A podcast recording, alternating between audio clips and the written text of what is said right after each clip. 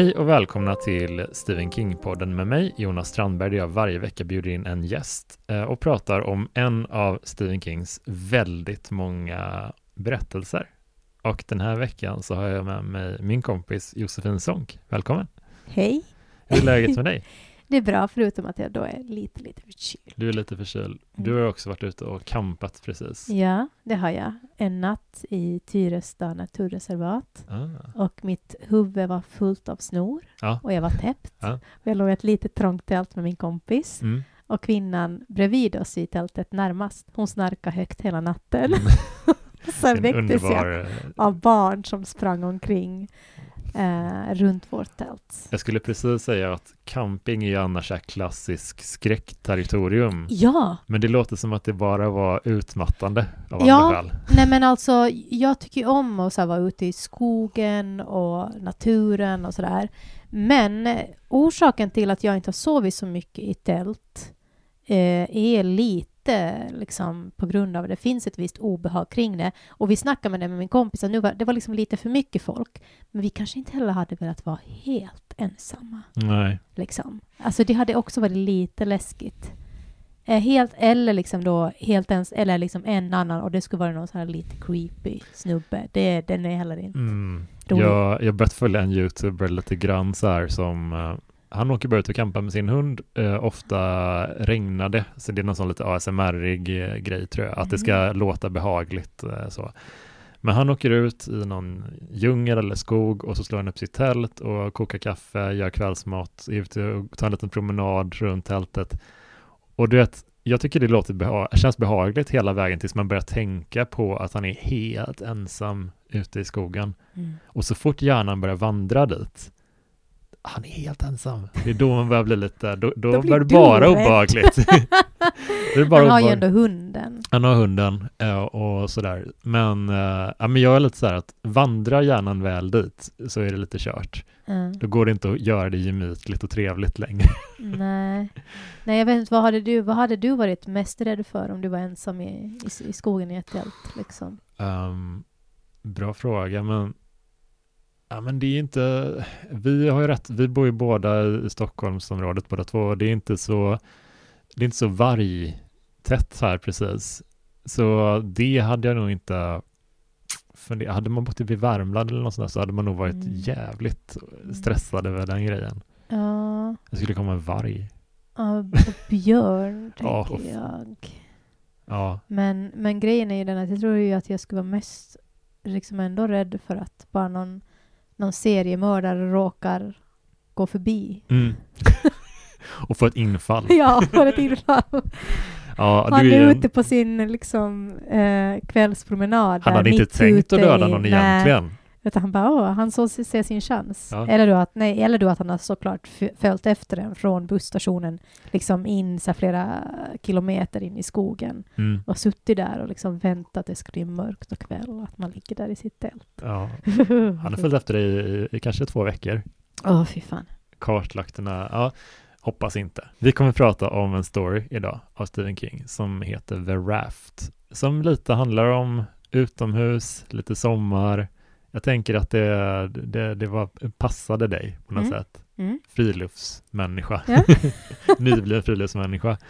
Men innan vi dyker in i The Raft så, så tänkte jag att vi ska prata lite om eh, vad har du för relation till Stephen King? Vad, hur ser den ut? Ehm, alltså jag är ju ett stort fan av skräck, men det har ju blivit mer liksom skräckfilm än vad det har blivit skräcklitteratur Mm. för mig. Eh, och jag har nog läst så här, liksom noveller av Stephen King någon gång för väldigt, väldigt länge sedan. Eh, så jag har inte så jättestark... Jag har liksom sen sett filmatiseringar, liksom. Men, men inte, inte läst så många faktiskt sk- av hans böcker. Mm.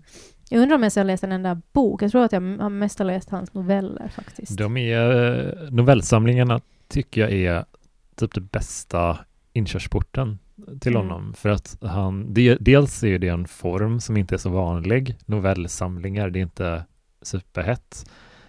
Så det är inte så många som ger ut dem. Och han är ju, han började typ så. Han började sin bana genom att skriva korta historier till typ tidningar och sådär.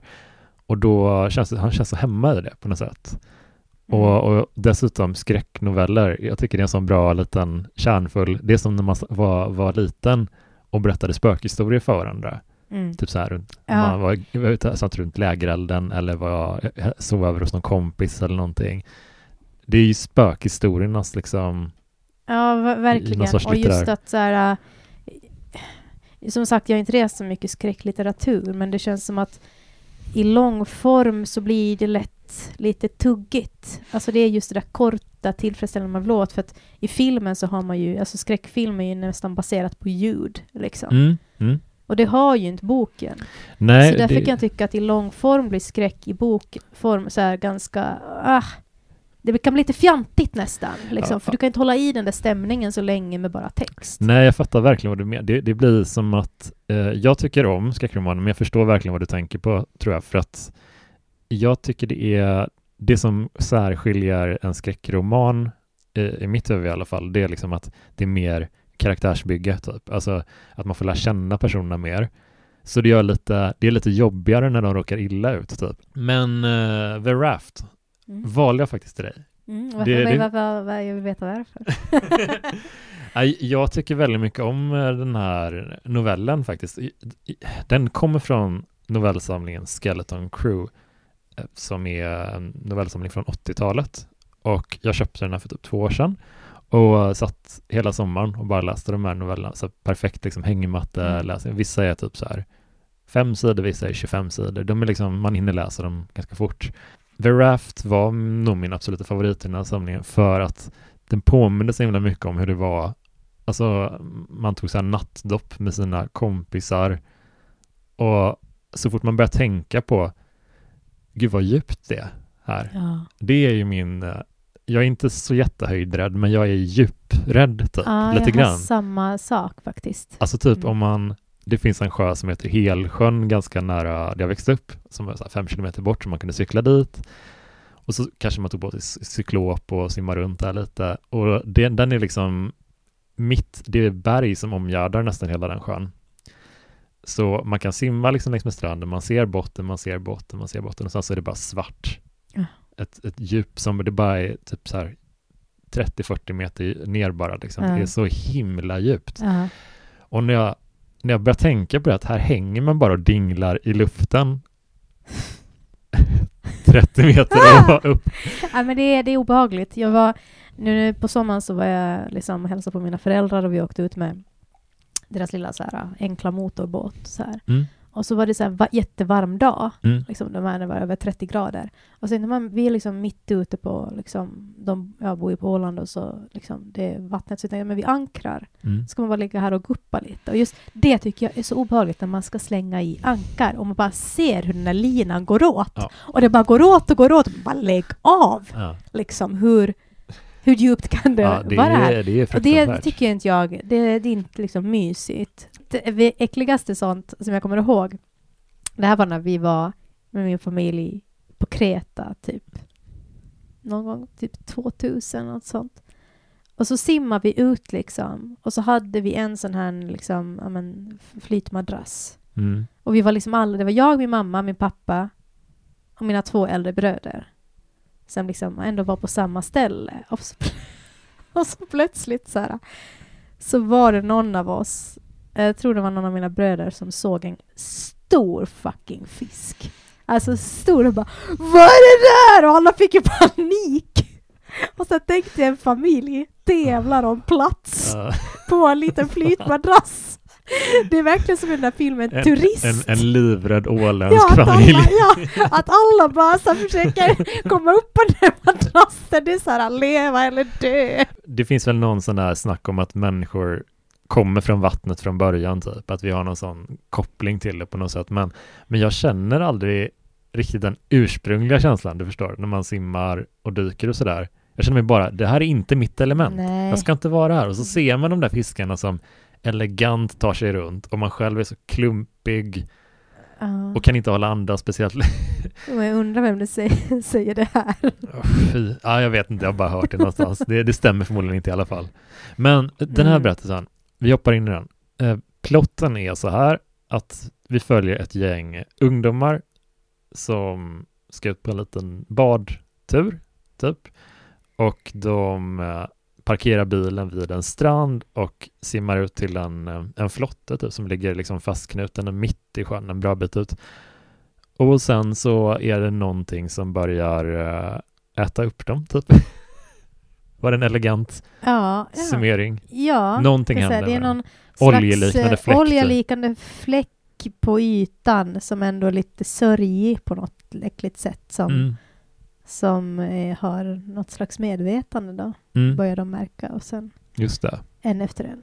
just det att de är isolerade på den här lilla, lilla bryggan och att inte ens att de är på den skyddar dem riktigt för att den här oljefläcken kan ta sig upp mellan brädorna Mm. typ och det beskrivs som att den liksom greppar tag i de här kidsen typ och att det är som att det bränner loss huden på något sätt när den får grepp om dem. Ja, precis. Eller någonting. Det är, ja. det är någon sån bränn, bränneffekten här i alla fall. Ja, någon slags, liksom, eller ja, fräte liksom, de bara, liksom som att hela kroppen bara försvinner och krymper och blir liten och sen bara Ja. Sugs Ja. ner i det där. Och det sjukaste, eller det är inte sjukaste kanske, Mm. men jag tycker att det, det är i och med att det är mitt i en ganska liten insjö. Det är ändå så här en bra bit in till strand och sådär, men man tänker att hav är det som är läskigast typ, för att det är så öppet och sådär. Mm. Så det, det är lite coolt på något sätt att, att det, det ändå känns så creepy upplever jag när, när det är en sån liten sjö bara. Mm. Vad, vad kände du för den här berättelsen? Jo, men den är ju, man får ju lite så här chills liksom. Och jag simmar själv ut i somras till en flotte. Och det är någonting jag tycker liksom så här äckligt också med underflottar. Alltså jag vet inte, det är liksom som att... Uh, men den, den, den sätter ju, det är en sån här obehagskänsla av att... Ja men just med vatten och liksom, det är också ett så här av, det är inte liksom en stor strand utan det är en ganska ödslig liten sjö de är, liksom, är på. Det är, så här, det är någonting som är så här, man, ja, man kan liksom relatera till lite sådär obehagskänslan av att så här, Ja, och man, man anar, eller man, man förstår att ingen kommer komma hit på ganska länge. exakt. Så vi liksom, vi on our own. Men det är också det är just det att det är så harmlöst. Så, um, åka, ja, man åker och tar ett dopp och Ja. så simmar man ut i flotten såklart. Om det finns en flotte så simmar man ut i den. Och sen så är Verkligen. det verkligen så här, alltså ett ödesdigert beslut. men, men, allt, men det är varför jag tycker om skräck är ju alltid för att det är så här, alltså det egentligen handlar det ju om men, samhället och människor. Alltså bara att förklarat på ett lite roligare sätt än en vanlig dramafilm. Men Mm. det känns alltid som att man kan säga, ja men, ja, vad är det symbolik för det här då liksom? Mm. Eh, så så börjar jag också tänka väldigt mycket med den här, att okej, men vad handlar det här om egentligen? Mm. Vad tänkte du på någon särskild, fick du någon här association? Nej men vi har ju båda sett också en filmatisering som Mm. fanns på Youtube och jag, jag började läsa novellen och sen såg jag den här Mm. liksom faktiskt först och sen läste jag klart novellen. Mm. Eh, och då, nej men så då tänkte jag ju att min första banalaste tanke var att den handlar om så här, klimatförändringarna. Mm. Mm. Men sen så tänkte jag, det är med i dagens kontext som man Mm. kan, skulle kunna tolka in det. Mm. Men den är ju inte skriven liksom. Jag vet inte när den är skriven, när det var jättetidigt. Jag tror typ sen 60-tal Ja, till precis. och Så med. jag tror inte att klimat, den typen av, ja, det var, har väl alltid varit en fråga, men inte på det sättet idag. Nej, men och sen så började jag tänka, ja men vad, för sen när jag läste, sen när jag läste novellen, då tyckte jag kanske mer att så här, men handlade det om något slags, för novellen är ju också väldigt mycket så här, de är lite, de har varit lite fulla, Eh, den är också, det är lite kanske mitt problem ibland med Stephen King. Två saker är problem med Stephen King. Mm. Dels att jag blir provocerad över hur fruktansvärt produktiv han har varit. Sådana människor är ju alltid provocerande. Mm. Bara lägg av. Ja. Och eh, två, jag kan tycka att han är lite misogyn. Mm. Mm. Och det är han är ju ganska mycket i den här novellen också. Mm. Men sen så börjar jag tänka på att liksom, ja, Men men, utveck, utveckla gärna. Du, på vilket sätt han är misogyn. ja, ja. Ja, men det är liksom det här med att så här, ganska onödiga beskrivningar, typ som är så här, ja, men när den ena tjejen ska ta av sig kläderna så bara har hon en nästan genomskinlig bh och man bara okej, ja. Ja, det, ja, han är ju riktigt usel på att Ah. skriva sexscener generellt också. Han har en, en märklig blick eh, där, skulle jag säga. Ja, verkligen. Det, det är ju också i den här, känner man liksom bara... Ja, det, det är mycket sånt som man känner lite så ah, Nej, det, det är liksom, det, är, det funkar inte så bra. Så det, jag tyckte ju nästan att liksom, och, och snubbarna också då, fast på ett annat sätt, liksom att de är också ganska så enkelspåriga och så här. Alltså, jag menar, det är liksom, jag kunde nästan tycka att i novellen att så här, det här ungdomsgänget, eh, liksom dynamiken mellan dem och så här, könsrollen mellan dem är typ obehagligare än den här sörjan. jag tycker så här, jag tycker liksom inte så synd om dem för att de blir Mm. uppätna, för jag bara, men gud vad skönt att vi blir blir bara av med er. irriterad. Jag blir lite irriterad och det är också så här att de liksom, när han ena snubben slår ju den här tjejen Just det. Ja. Och han andra fantiserar om att slå henne. Mm. Och då, så, ju längre in i det, för först blir jag så irriterad på den här misogyna, sexistiska, liksom, och vissa av de här väldigt, väldigt, väldigt obetydliga beskrivningar av hur de här tjejernas kroppar ser ut, som också så här, äh, vad, vad be, varför Mm. behövs, det, behövs det här i historien? Liksom? Det känns lite som liksom, Stephen Kings egna lite så runk-tankar. alltså på riktigt. Men sen, ju längre in jag kommer, så då börjar jag tänka så här, men kanske det här är då liksom lite symboliken, att den här sörjan är liksom människans mörka inre värld på något sätt. Mm. Mm. Jätteintressant. Eh, Jag tänkte inte lika mycket på det eh, på det sättet, men du har ju verkligen en poäng. Alltså, jag förstår verkligen vad du menar med den här The Stephen King gaze. Mm. Finns Mm. det något inom film som, som kallas för the male gaze? Mm. Så här manliga blicken på kvinnor. Stephen King har ju också periodvis en släng av det. Jag läste en, eh, en liten, liten backstory till den här novellen, hur den kom till. Så där, den skrevs typ sent 60-tal någon gång. Han hade inte breakat som författare och den hette då typ The Float, tror jag det var. Han hade precis åkt på en kraftig bot för att han hade försökt att flytta på en trafikkon som hade skadat hans bil, hävdade han. Och då hade han fått böter för det, som han inte kunde betala. Han var liksom pank verkligen. Och då publicerades The Float i en tidning. Han fick en check och kunde betala den. Oj. Wow. Så det var så den, den kom till. Vad tycker vi om filmatiseringen? Den kommer från Creepshow 2, heter den, Ja. ehm, den filmen, som är en massa kortare skräck, skräckisar av King. Ja. Eh, nej, men den var ju, det var ju väldigt liksom också, det var ju väldigt dålig. Alltså, jag det hade en lite kul twist på slutet tyckte jag. Mm, det var lite, lite annorlunda slut där, men jag, men jag tycker att det som novellen har verkligen, och även om personerna är oerhört irriterande liksom, och osympatiska, så den här, den här fläcken eller det här, det här oljemonstret, eller vad ska vi kalla det? Ja, fläcken kan Ja. vi Så jävla nedvärderande, Ja, oläskigt. Verkligen. Fläcken. Fläcken. Ja, den här fläcken i alla fall. Låter jättegulligt. Man kan liksom, man bygger upp en bild i huvudet hur den ser ut lite, att, att eh, den är lite så oformlig, oljig, eh, alltså, ja men typ så. Men när den gestaltas i den här korta filmen, som man kan se typ på YouTube tror jag, Mm.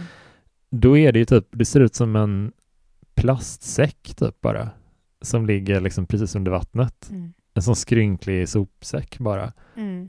Det är, det är sådana riktigt usla praktiska effekter som, Mm. de, som de har gjort. Och det, är, ju- det är en tråkig grej att anmärka på, men om det är det som är monstret, om man ska kalla det, i, i filmen, då kan det inte se så oerhört B ut från start.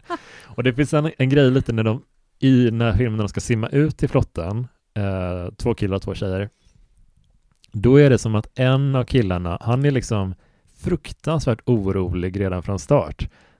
Han, Ja. är, han är så här, varför är du så nojig? Ja. Vad, är det, vad, vad är du så rädd för? Han ser ju någonting där på stranden. Ja, Han ser ju någonting. Det är några fåglar som är där. Som är väl vid det som då Mm. sen är fläcken och som är lite så här. mm, Man är lite så här tveksam inför det. Han tycker att det ser lite märkligt ut där. Som att fåglarna liksom... Ja. men det är någonting med hans, hans o, omedelbara reaktion och han bara, han är så livrädd att, att tjejerna inte ska hinna in till flotten. Bara simma Ja. fortare, simma fortare. Bara, varför är du så rädd redan? Ja, Det, det, det liksom byggs inte upp, hans skräck byggs inte upp riktigt. nej, det är sant. Det är sant. Det är liksom, det är på för max från början och då Mm. blir det inte lika liksom, Han, han känns som att den är typ lite haschnojig typ, eller någonting i och för sig. ja. För de röker väl på i den. Det, det kan ju vara det, kommer på nu precis. Att han kanske bara är så, har fått en sån riktig dundernoja. Ja, i, i, i filmen, ja men i bok eller i novellen har de väl inte rökt på Nej, men det, där är det liksom mer, jag tycker inte han är lika, vad ska man säga, hetsig i, i, i boken. Nej, nej, verkligen Det är lite mer äh, att han är, man får se det inifrån hans huvud typ, att han ser Mm. dem, den här fläcken och han, han är lite, han bygg, byggs upp mer inom honom på något Mm. sätt. Här i, i filmen så måste de visa att, att han Mm. är haren liksom i Mm, gänget, mm. som är lite feg. Ja, men verkligen. Ja, men jag, jag, jag, tolkar den, jag tolkar den lite så att den är lite som moral, 60-tals moralkaka. Fast jag Mm. menar Stephen King var väl rätt ung själv på 60-talet, så varför skulle han... Mm, Att man ska inte dricka och hålla på med sex och sånt. För nej, då, för då är det kört. då dras du ner i det här Ja, mörkret. det är ju verkligen så. Ja. på något sätt. Alltså, det, det känns så som en sån um, um, slasher, typ som, vad heter den, um, Fredag den 13 eller Halloween eller Mm. sådana filmer. Fast där är de i skogen istället och, och det är en, någon mördare som springer omkring bland träden. Mm. Här är med typ att de är väldigt isolerade på en minimal flotte. Mm. Men jag tycker om greppet, om man ska säga så här, något som, som jag tycker funkar i den. Det, det är coolt tycker jag att de är på en sån oerhört liten yta och de tvingas verkligen interagera med varandra. Och de kan liksom inte springa någonstans, de kan inte dela på sig, det kan inte skapas drama genom att de blir separerade så, Nej. utan de är sammanfösta redan från start hela tiden. Det är så nära till stranden egentligen, men eh, det går, alltså det, det går inte för att vi har den här jäveln, Mm. fläcken som, som, som simmar omkring i vattnet. Så det, det, det är någonting med det som bara känns att det är så harmlöst. Ja. Och räddningen är så nära, räddningen är inom armlängds räckhåll nästan. Ja. Men det går inte. Ja, det, det är faktiskt snyggt. Han, i, I novellen så är det väldigt mycket han använder sig av, men han ser de här byxorna där på stranden där han vet att bilnyckeln liksom är i fickan så. Mm.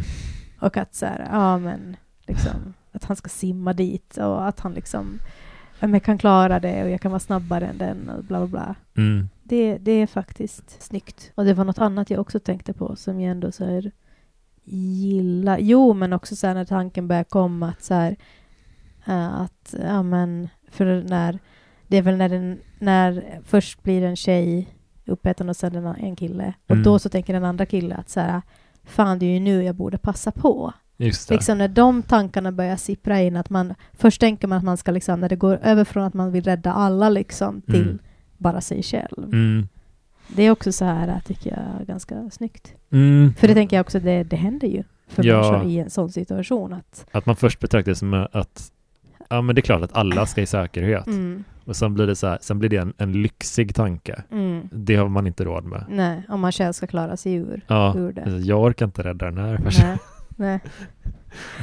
Hjältemodet flyger ut genom fönstret. Liksom. Eh, och det här, man får ju, det är ingen fara att spoila någonting här, eller? Nej, Nej, vi kan spoila, vi kan spoila typ nu. Ja, för också det här är då i, i filmatiseringen, den är också väldigt så här, för när jag såg den då innan jag faktiskt läste så var jag så gud det här är så liksom, ja men sexistiskt och sen läste jag novellen och fick jag liksom slap. jag bara, det där var ingenting.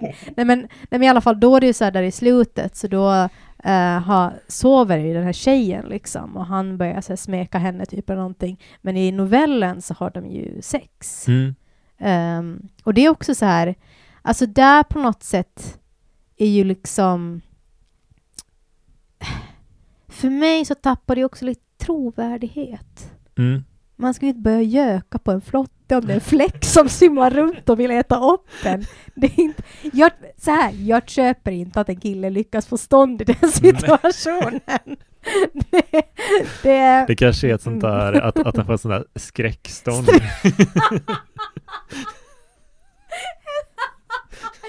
Ja men det kan, visst kan man få det. Ja, Alltså jag, det finns, jag har läst en undersökning att så här, att liksom så här, riktigt så här, typ, så här, typ bilder på, eller liksom bilder från krig och så här vidrigaste hemskaste grejer så kan kan man få så ofrivilligt stolt av. Jag tänker, Men det betyder inte att man för den skull Nej. vill nej. utföra penetrerande sex. Men ehm, finns det någonting som du, ehm, du eh, tar med dig från den här som du tyckte, ändå tyckte, ja ah, fan det där, det där funkade ändå liksom? Eh, nej men dels, alltså jag menar han är ju väldigt bra på att skriva. Det är ju liksom just det här att bara det här första stycket så är liksom väldigt effektivt. Att man vill fortsätta liksom. Det, det är väl om man säger, men ja det är oktober och egentligen liksom blir mörktidigt men det, någonting, så här, någonting med att, alltså det sätter direkt en, en stämning där man blir Ja. okej vad ska hända? Så han är, herregud, han är ju en liksom fantastisk författare på så sätt. Eh, men sen så tycker jag att så här, ja, men det är väl just liksom den här eh, liksom obehagskänslan, liksom Ja, men just, just, just det här att det är en idyllisk plats, det är väldigt harmlöst. Eh, och att när en sån plats liksom blir så hotfull plötsligt, Mm. det, det är snyggt. Mm. Och sen tycker jag också att slutet är väldigt snyggt. Mm. När han liksom bara, ja, han använder ju det här liksom greppet tid, att de inte ska titta på fläcken då. Just det. Och sen så väljer han då till sist att göra att han liksom typ ger upp. Mm. Och där skiljer ju sig åt från filmatiseringen. Just det. Och det vet jag inte, jag tyckte att twisten var snygg på filmatiseringen, men rent liksom någonstans så, mm, det här är ju på ett sätt ändå, som i novellen, ändå snyggare tycker jag. Mm. Det säger någonting mer. Det liksom Mm. blir en...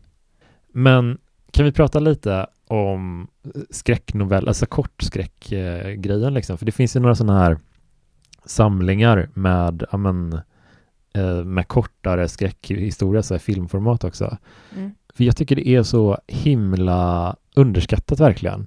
Det är som att an, om man ser lite skräck så börjar man efter ett tag märka att ja, men, uppbyggnaden känner man igen. Det är alltid Mm. samma metoder de har. Men om man kollar på skräcknoveller eller så kortfilmer, då är det som att de kan inte slösa någon tid. Det måste, de måste skynda sig, setup, poäng och Mm. de måste ha så kort tid på sig. Mm. Så det blir mer, Det är ju lättare. Alltså, jag älskar ju skräckfilm, tittar på mycket sånt, men det finns ju ingenting som ger en större besvikelse än en dålig skräckfilm. Alltså, det är svårt att göra en bra skräckfilm. mm, Det är faktiskt jävligt svårt.